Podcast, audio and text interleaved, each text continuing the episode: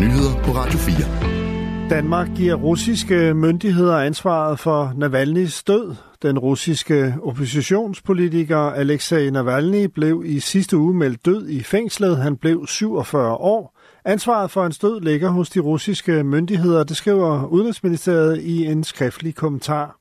Den russiske ambassadør i Danmark indkaldes nu til samtale i Udenrigsministeriet.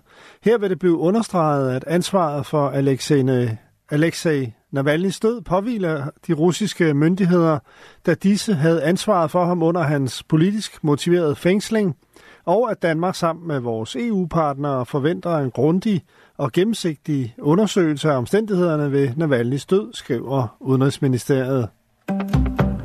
Voldelige episoder og gentagende tilfælde af grænseoverskridende handlinger i skoleklasser har de seneste 3-4 år fyldt mere i telefonsamtaler hos forældrerådgivningen.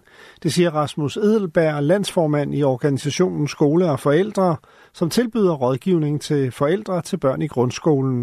Det er mange øh, overraskelse, så sker det særligt i indskolingen, hvor børnene jo ellers er relativt små, og man skulle umiddelbart synes nemme at, at have med at gøre, men det er desværre ikke tilfældet. Der er, der er rigtig mange forældre, der klager over, der er meget uro, og det kan være med til at understøtte, at der er nogle elever, der mistrives, og en del af dem er udadreagerende og har svært ved at regulere følelser, øh, og, og det, det kan føre til øh, slag og spark og bid og riv, og, og det kan der desværre øh, være meget af. Rådgivningen har dog ikke oplevet en stigning i henvendelser efter sager om angiveligt grove tilfælde af grænseoverskridende adfærd på Borup Skole og Adrup Skole. Rasmus Edelberg fortæller, at rådgivningen cirka en gang om måneden får en henvendelse fra forældre om grov grænseoverskridende opførsel. Det er bekymrende, og det tyder på, at øh, det pædagogiske miljø øh, i skolen er presset. Folketingsmedlem Rasmus Jarlov fra Konservativ forlænger sin sygemelding i yderligere 8 uger. Det oplyser gruppeformand Mona Jul. Han øh, skal bruge den tid til at øh, komme sig. Jeg ved, at det går fremad.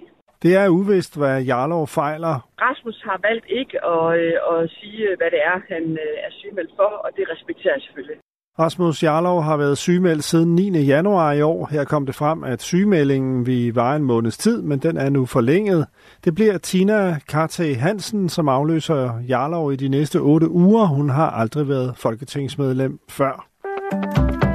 Vægttabsmedicin behøver ikke bruges livsvarigt, men det kræver en god træningsrutine at stoppe, det viser ny forskning. Det er ellers gængs opfattelse, at medicinen skal være livsvarig, hvis man vil fastholde vægttabet, men det behøver den ikke nødvendigvis, fortæller professor Sine Sørensen Torkov, der står bag et nyt studie fra Københavns Universitet og Hvidovre Hospital. Vores nye studie giver håb, for hvis man både tager vægttabsmedicin og følger et træningsprogram, bibeholder man størstedelen af de gavnlige effekter et år efter behandling, siger hun. Resultaterne viser, at hvis man træner to timer med høj puls om ugen, så holder vægten sig nede. Det ungarske parlament skal mandag den 26. februar stemme, om Sverige skal optages i forsvarsalliancen NATO. Det oplyser det ungarske regeringsparti Fidesz ifølge AFP.